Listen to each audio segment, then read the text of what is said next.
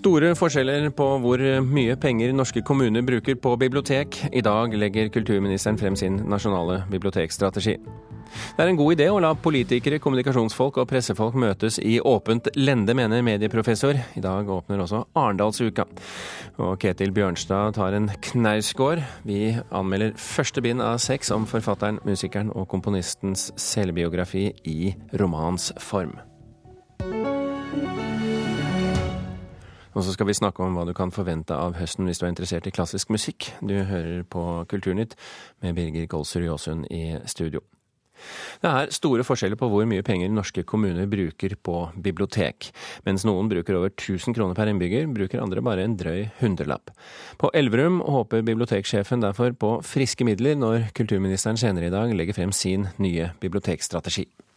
Nå skrenker vi jo inn og skrenker inn, og det er klart eh, vi, vi er jo på ei grense som, som, handler om å holde huet over vann. Elverum kommune skulle egentlig bygge nytt bibliotek. Nå reduseres i stedet åpningstidene på det gamle. Det går gærne veien. Biblioteksjef Monica Skybakmoen er ikke i tvil om hva hun etterlyser når regjeringa presenterer sin bibliotekstrategi i dag. Det som er viktig, er eh, selvfølgelig penger. Penger åpner alle dører unntatt døra til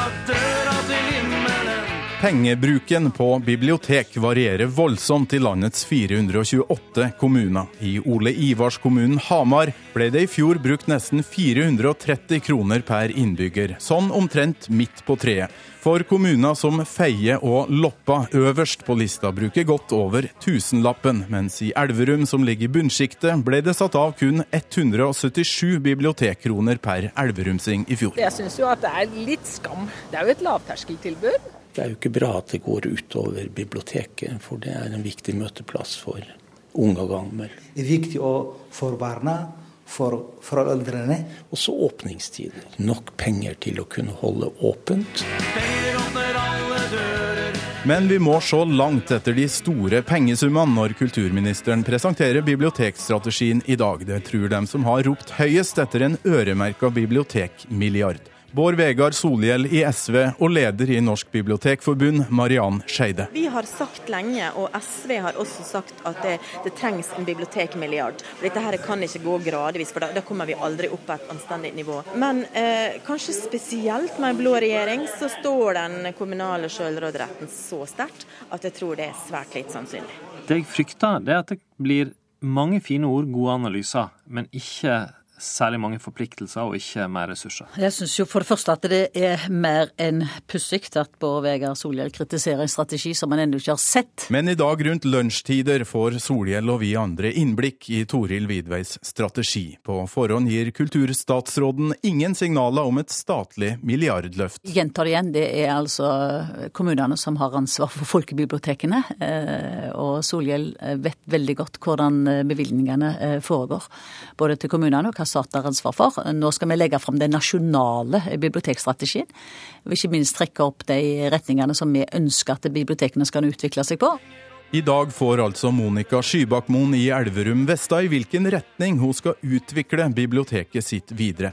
Men i en kommune som kutter kulturmidler for å få råd til skole og helsetilbud, er det å holde dørene åpne blitt viktigere enn utvikling. For at et bibliotek skal kunne løfte seg, så trenger vi driftsmidler. For når vi, når vi har akkurat med midler så, vi, så, det så vidt går rundt, så blir det heller ingen nyskaping og utvikling. Så det blir jo en, eh, en status quo, eller en nedbygging. Det er jo det vi driver med.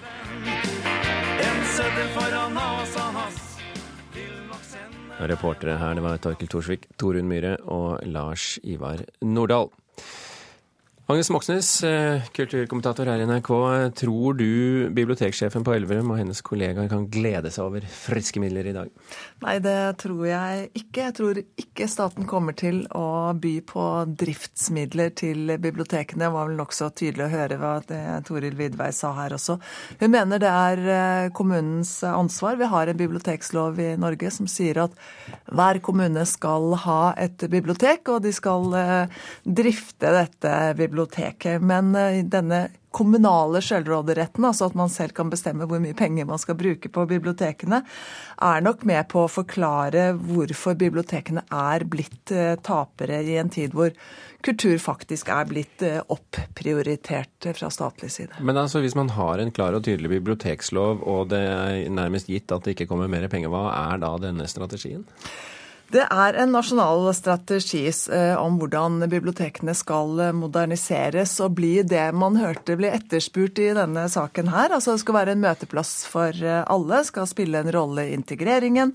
Eh, man skal sette to streker under ordene kommunale litteraturhus, altså hvor det skal være plass til debatter og samtaler osv.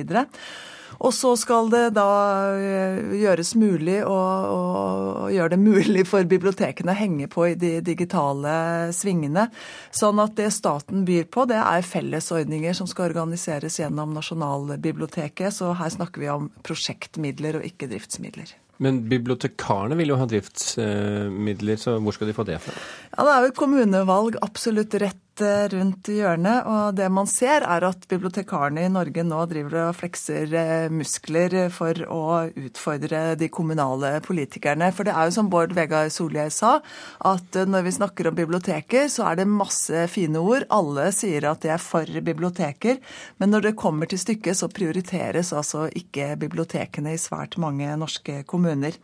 Så, så, eh, det bibliotekarene nå ønsker seg, det er at, eh, at, dette blir en viktig del av årets valgkamp. Men, men man må jo spørre da, eh, om dagens system, altså der kommunene har ansvaret for bibliotekene, om det i lengden er bærekraftig? Jeg vil jo si at det vil være et virkelig tap for kommunene hvis de ikke klarer, altså eller deres prestisje, hvis de ikke klarer å ta det ansvaret. Eh, det er det tilbudet eh, innbyggerne i kommunene er absolutt mest eh, fornøyd med, ved siden av, av brannvesenet. Så det blir en dag med mange misfornøyde bibliotekarer i dag? Nei, det tror jeg ikke. Men det bibliotekarene som sagt gjør, det er at de ruster seg til kamp for å få de kommunale politikerne til å vise hva vil de med bibliotekene sine. Agnes Moxnes, takk for at du kom i studio. Vi hører mer om biblioteksmeldingen utover dagen, tenker jeg, her i NRK P2 og Alltid nyheter.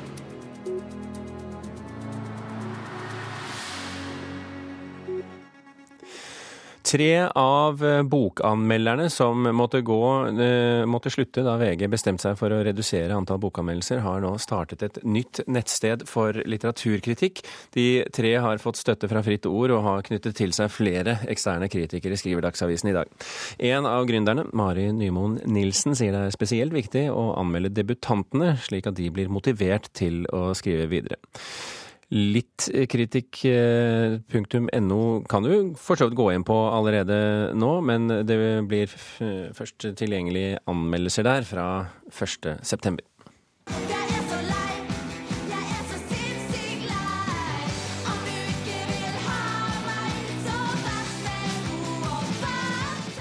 Norske Rassika er blant eh, artistene 110 eh, internasjonale eh, bransjefolk får se når de kommer til Øyafestivalen i regi av Utenriksdepartementet, eksportorganet Music Norway og Øya International. Målet er at de skal bidra til norsk musikkesport, bl.a. ved å booke norske band i sine respektive hjemland. I år er det spesielt mange delegater fra Latin-Amerika, skriver Aftenposten i dag. Omtrent halvparten av de utenlandske blir påspandert turen.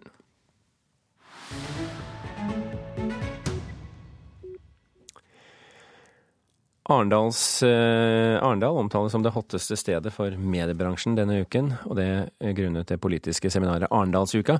Ifølge nettavisen Kampanje er et par hundre mediefolk på plass blant eh, toppolitikere, næringslivsledere og blant folk fra kommunikasjonsbransjen. Og en av Norges ledende kommunikasjonsrådgivere, Hans Gelmeiden, mener uka er en møteplass for skravleklassen. Foreløpig eh, er det blitt eh, en politikeruke, men ikke en politikkuke. Eh, men det kommer nok etter hvert. Arendalsuken går fortsatt i kortbukser, men vi kommer dit etter hvert. Og vi gleder oss til å være med på utvikling. Men du med det at det er en festival mer for politikere enn for, for politikk, kan du utdype det litt? Ja, det er foreløpig en møteplass for skravleklassen. Vi eh, hørte Hans Gelmeinen her. Eh, medieprofessor ved Universitetet i Oslo, Eli Skogibø, velkommen til Kulturnytt. Takk. Du fniste litt du, da du hørte Gelmeiden si at det var en uh, uke fremdeles i kortbukser. Ja, altså det på mange måter er jo en nokså ny happening. Den starta i 2012, så fire år. Kortbukser, greit nok. Men, men, men, hvor viktig har den blitt da, som møtested for politikere, media og PR-bransjen? Altså det tenker jeg at det at den er blitt så stor, viser at både PR-bransjen og politikere og journalister synes at den er veldig viktig. Og så kan man jo alltid stille spørsmål om er den òg like viktig for velgerne. I år når det er valg, så er jo det et eh, stort spørsmål. Og det er jeg jo ikke akkurat like sikker på. Eh, men jeg syns det er interessant at man setter fokus på politikk, og ikke bare på politikere, tror jeg. Det er mange stands for eh, partier, det er mange debatter, det er mange temaer som skal tas opp. Og gjør det en hel uke. Det syns jeg er et spennende, et spennende, innslag i et demokrati som hele tida er i endring. Der man bruker møteplasser eh, og fysiske møteplasser kanskje vel så mye som før. Eh, hva må til for at eh, Arendalsuka skal bli like stor og viktig som sin svenske modell Almedalsvekkan? Ja, det, det og et veldig interessant spørsmål, fordi at Norge og Sverige har noen interessante forskjeller når det gjelder politisk kommunikasjon. Det er f.eks. at Norge er veldig åpen. Det er veldig lett tilgang mellom journalister og politikere i Norge. Altså det det kjenner jo du som journalist at det er ikke veldig vanskelig å få en politiker i studio. Det, nei, det, er ikke veldig vanskelig å få et intervju. Ikke, de, de, skjermer seg ikke så mye. I Sverige så er det litt vanskeligere. Det er ikke kjempevanskelig der òg. Men jeg tror at Almedalsvekkan er et åpent forum som betyr mer i Sverige enn i Norge, fordi at det rett og slett kan være vanskeligere å treffe disse elitefolkene ellers. Så det er en gang i året der får de endelig liksom full Nei, tilgang på den? Altså, det er jo selvsagt ikke en gang i året, men jeg tror Almedalsvekkan kanskje er viktigere enn Arendalsuken av, av den grunn. Mm. At, det er, at, det er, noen sånne ting. Men så er det jo òg en sånn forskjell på at Arendalsuka er ung. Ja. Og Arendalsvekkan er eldre, ja. Men nå er det jo slik at flere medieorganisasjoner har gått sammen om å hyre en egen, eh, det de kaller en mediebåt, altså der politikerne skal diskutere temaer som lokalavisen og demokratiet og utfordringer knyttet til internett og ansattes ytringsfrihet osv. Tror du at det kan komme noe konkret ut av de debattene?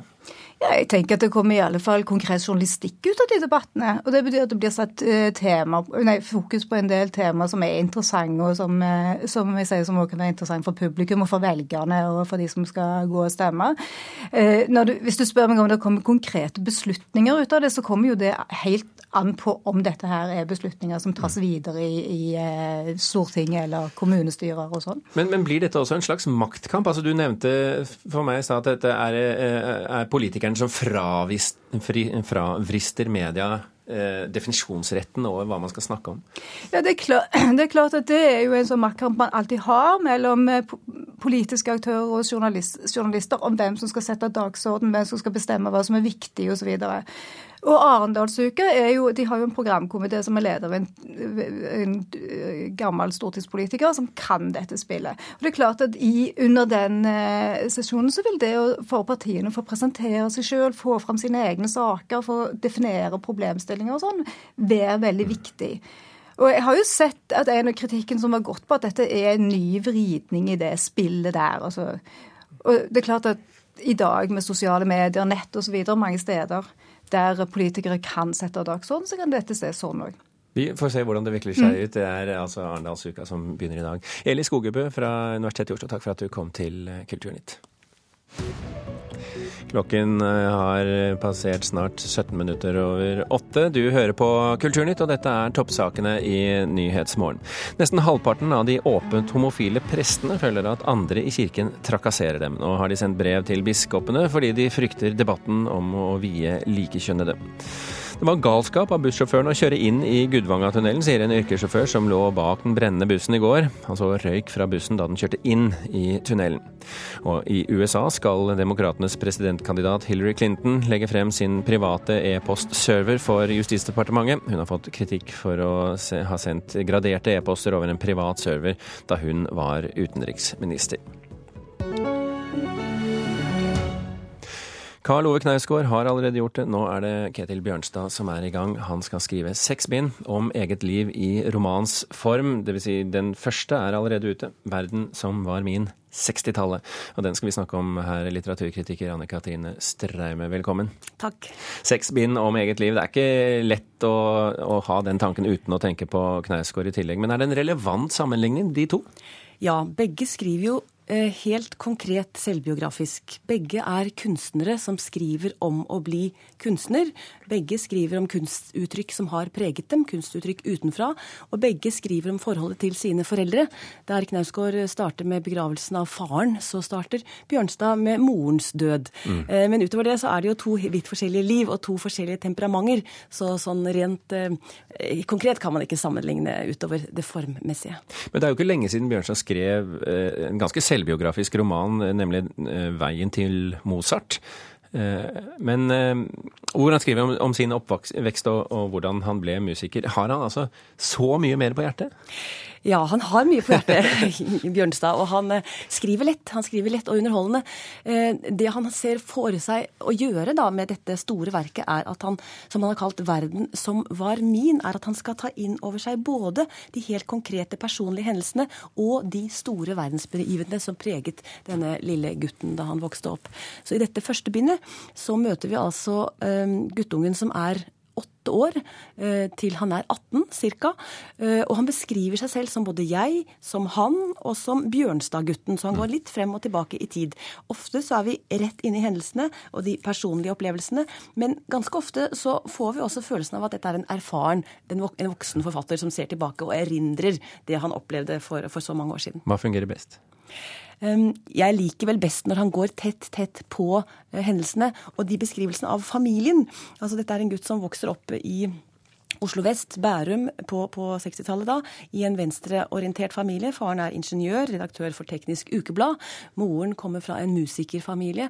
Begge er opptatt av politikk, av verdenssituasjonen. Det blir også guttungen opptatt av. Så han er en veslevoksen gutt som mm. bekymrer seg for atomtrusselen, som er opptatt av romkappløpet mellom USA og, og Sovjet. Flyulykker. Flyulykker, ikke minst. Ulykker av alle slag. Brå død er han opptatt av. Og det får en sammenheng med hans eget liv, fordi han selv har en slags indre konflikt i seg. Han er engstelig for at moren skal dø, han er engstelig for at foreldrene skal skilles. Mm. Og denne angsten for at familien skal bryte opp, det blir en slags sånn puls som går gjennom eh, hele fortellingen, og som kanskje roer seg til slutt når han ser at OK, nå er jeg på vei ut av barndommen, nå er jeg på vei inn i mitt voksne liv. Han skal altså skrive eh, en roman per tiår. Det er en ganske enkel struktur, eh, men er det romanteknisk en dugende måte å gjøre det på? Ehm, det kan jo bli litt forutsigbart da, nå er vi på nyttårsaften 68, eh, nå er vi nyttårsaften 69. Det blir noen gjentagelser der med vi har kommet til jul, vi har kommet til sommer. Ehm, men samtidig så, så blir eh, boken også en slags sånn eh, historiefortelling, tenker jeg. En repetisjon for mange av oss. Noen som levde på 60-tallet, noen som var små, eller noen som, som, i hvert fall kjenner til litt av verdenshistorien. Så det blir en sånn blanding av en erindringsbok og en roman. Ikke en sånn tradisjonell roman, vil jeg si, men mer en sånn um, ja, et slags overflødighetshorn da, av eh, stort og smått. Eh, noen ganger så kan koblingene bli litt løse. Altså, dette er jo en bok på 800 sider. Ehm, så Kanskje skulle han strammet inn litt. Gleder du deg likevel til eh, han kommer til 70-tallet? Jeg gjør det, fordi det er, han gir oss noen små glimt av det som skal bli kunstnerpersonligheten og den voksne, søkende musikeren og forfatteren Ketil Bjørnstad. Anne Katrine Straume, takk for at du kom til Kulturnytt.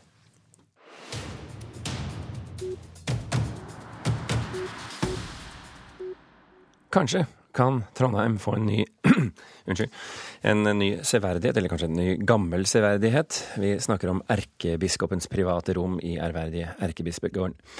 Rommet har unike vegg- og takmalerier fra starten på 1600-tallet som har vært svært vanskelig å restaurere, men i fjor, etter 17 års arbeid, så fant Nidaros domkirkes restaureringseksperter endelig en metode som virker. Og nå er arbeidene i gang. Tett ved Nidarosdomen ligger erkebispegården fra 1200-tallet. I den et meget spesielt rom som har vært avstengt lenge. Her behandles nå hver partikkel på vegger og tak med forsiktighet. Unike malerier og unike eh, kalkmalerier i norsk eh, sammenheng. Så det er jo ikke noe spørsmål om man skal ta vare på det eller ikke. Det sier seg sjøl. Sier fagleder for forskning og utredning ved Nidarosdomens restaureringsarbeid, Kristin Bjørlykke. Det her er et rom der veggene og det bua taket er tett dekorert med blader, blomster, jegere og dyr. Trolig er det en dekorasjon fra 1616. Den har mista sin fordums fargeprakt og har falt fra hverandre, bit for bit, i årevis. I maleriene de eh, har krakelert og sprukket opp og eh, deler seg opp i bitte små biter som truer med å slippe underlaget. Så alt dette her skal jo festes på plass igjen. Så det er en utrolig krevende og langvarig jobb. Arbeidet starta med forskningsmidler fra EU i 1988. Spesialist Andreas Frans fra Sveits og hans mannskap har vært med hele tida. Han driver lignende arbeid i mange land. Dette er unikt. So this is a very special and, and, and precious uh, room actually for Norway, and I would say probably for whole Scandinavia. De skal sørge for at rommet består slik som det er i dag, og bruke de samme materialene som ble brukt den gang. Skjønt det å dynke med alkohol og feste støv med kalk i en mikstur med nanopartikler er nok litt nytt. We had uh, one technical or one uh, resource resource problem actually because there is just one producer in the whole world. Og verdens eneste produsent av det her hadde i tillegg stansa produksjonen. Men nå er også det på plass.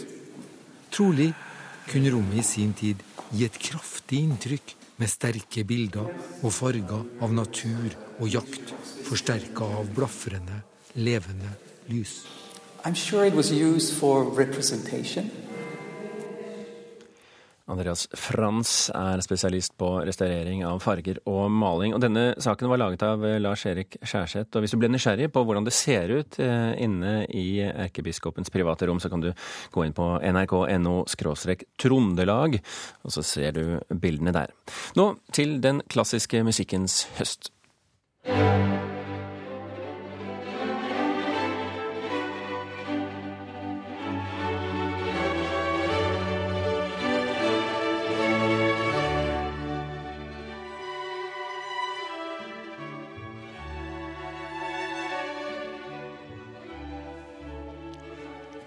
Dette er musikk vi har hørt eh, før. Eh, musikkritiker eh, Øystein Sandvik, velkommen til Kulturnytt. Takk for det.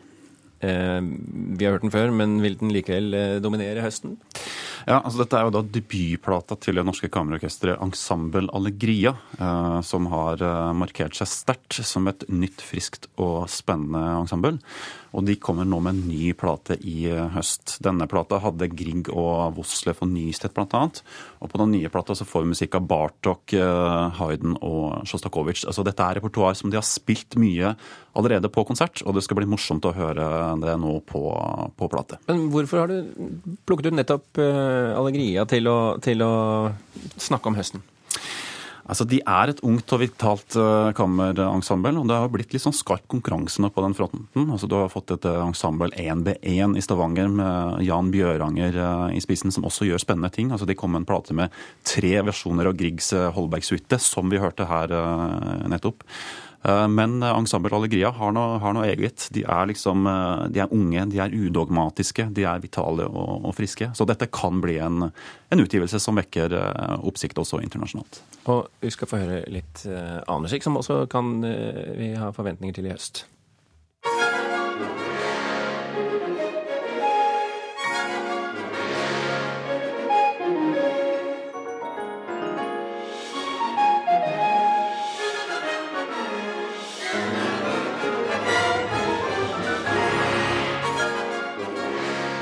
Dette var litt annerledes enn Grieg. Ja, dette er noe litt annet. Altså, det her, dette er musikk av den franske komponisten Olivier Messiaen. Hans Turangalila-symfoni. Et uh, absolutt hovedverk av orkestermusikk i det 20.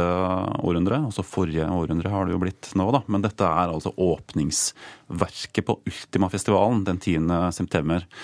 Så dette kan man da høre i Konserthuset med Oslo-filharmonien, dirigert av uh, sjefen sjøl, Petrenko, og Paul Crossley på klaver, som vi også hørte her, faktisk på denne klassiske innspillingen med Salonen fra, fra, fra 90-tallet. Ultima-festivalen kommer jo med jevne mellomrom. Eh, er det annet i høst som, uh, som du har bitt deg merke i? Ja, altså vi må jo nesten nevne dette at Atle Antonsen skal synge opera. Um, den store satsingen i Den norske opera og ballett, i hvert fall da på operafronten i høst, er jo da Tryllefløyten. En ny oppsetning med regi av Alexander Mørk Eidem, altså denne mannen som, uh, som satte opp Per Gynt mm. i fjor, plassert i et Skavlan-studio. Nå får vi altså Tryllefløyten, og den foregår visstnok på en annen planet. Ja. Så det blir spennende å se. Altså, dette skal jo da bli en, en bred eh, folkelig forestilling for hele familien. Og det blir jo morsomt å se hvordan det går, og ikke minst da hvordan gode Atle Antonsen klarer seg da i rollen som ja, denne fuglefangen. Det enkle spørsmålet alle stiller nå er kan han synge opera? Ja, vi får høre da etter hvert. Vi skal høre litt nå på slutten også fra en veldig tidlig prøve. Men uh, altså, det kommer nok ikke til å bli perfekt på noen som helst måte. Men det er jo en viss tradisjon da for å bruke ikke-operasangere i denne rollen som fuglefangeren. Sånn var det også på premieren, faktisk. De ord hun sier får meg til å nøle. Hun snakker i flertall, mener hun meg den glede kjærligheten gir, er kilde til et salig liv. Er kilde til et salig liv. Her hørte vi altså Atle Antonsen sammen med sopranen Kari Kleven fra en svært tidlig prøve på Tryllefløyten, som sagt. Eh, du hørte også P2s eh, musikkanmelder Øystein Sandvik. Det var det vi hadde i Kulturnytt i dag. Espen Hansen, Gjermund Jappé og Birger Kolsrud Aasund overlater nå studio til Øystein Heggen. Men vi skal først snakke litt om hva du får høre på radio.